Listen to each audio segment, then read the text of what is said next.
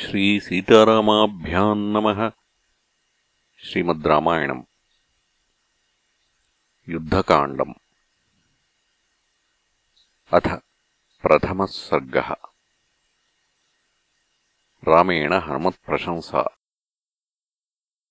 श्रुत्वा हनुमतो वाक्यम् यथावदभिभाषितम् रामः प्रीतिसमायुक्तो वाक्यमुत्तरमब्रवीत्।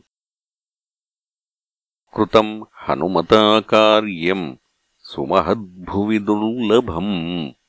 मनसापि यदन्येन न शक्यम् धरणीतले। न हि तम् परिपश्यामि यस्तरेतमहार्णवम्। अन्यत्र गरुडाद्वायोः अन्यत्र च हनूमतः देवदानवयक्षाणाम् गन्धर्वोरगरक्षसाम् अप्रधृष्याम् पुरीम् लङ्काम् रावणेन सुरक्षिताम्।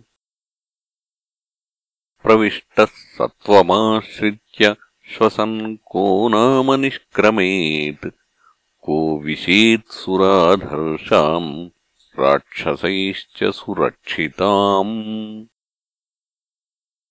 यो वीर्यबलसम्पन्नो न समस्यात् हनूमतः। भृत्यकार्यम् हनुमता सुग्रीवस्य कृतम् महत्। स्वयम् विधाय स्वबलम् सदृशम् विक्रमस्य च। यो हि भृत्यो नियुक्तः सन्। भर्त्रा कर्मणि दुष्करे। कुर्यात्तदनुरागेण तमाहुः पुरुषोत्तमम्। नियुक्तो यः परम् कार्यम् न कुर्यान्नृपतेः प्रियम्। भृत्यो युक्तः समर्थश्च तमाहुर्मध्यमम् नरम्।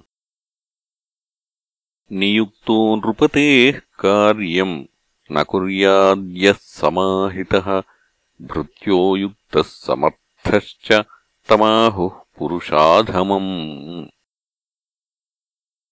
तन्नियोगे नियुक्तेन कृतम् कृत्यम् हनूमता न चात्मा लघुतान्नीतः सुग्रीवश्चापि तोषितः।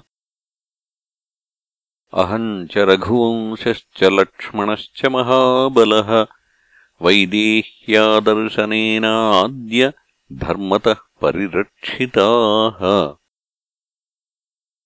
इदम् तु मम दीनस्य मनोभूयः प्रकर्षति। यदिहास्यप्रियाख्यातुः न कुर्मि सदृशम् प्रियम्। एष सर्वस्य भूतस्तु परिष्वङ्गो हनूमतः।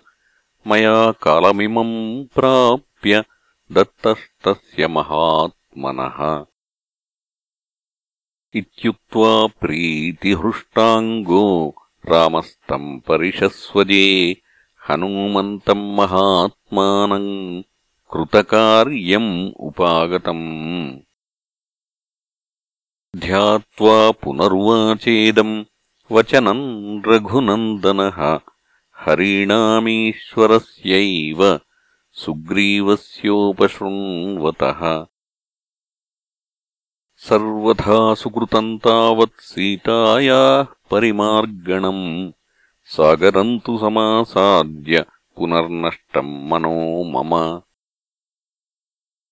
कथम् नाम समुद्रस्य दुष्पारस्य महाम्भसः?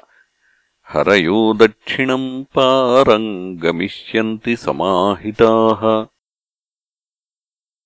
यद्यप्येष तु वृत्तान्तो वैदेह्यागदितो मम समुद्रपारगमने हरीणाम् किमिवोत्तरम् इत्युक्त्वा शोकसम्भ्रान्तो रामः शत्रुनिबर्हणः हनूमन्तम् महाबाहुः ततो ध्यानम् उपागमत् इत्यार्षे श्रीमद् रामायणे वाल्मीकीये आदिकाव्ये युद्धकाण्डे प्रथमः सर्गः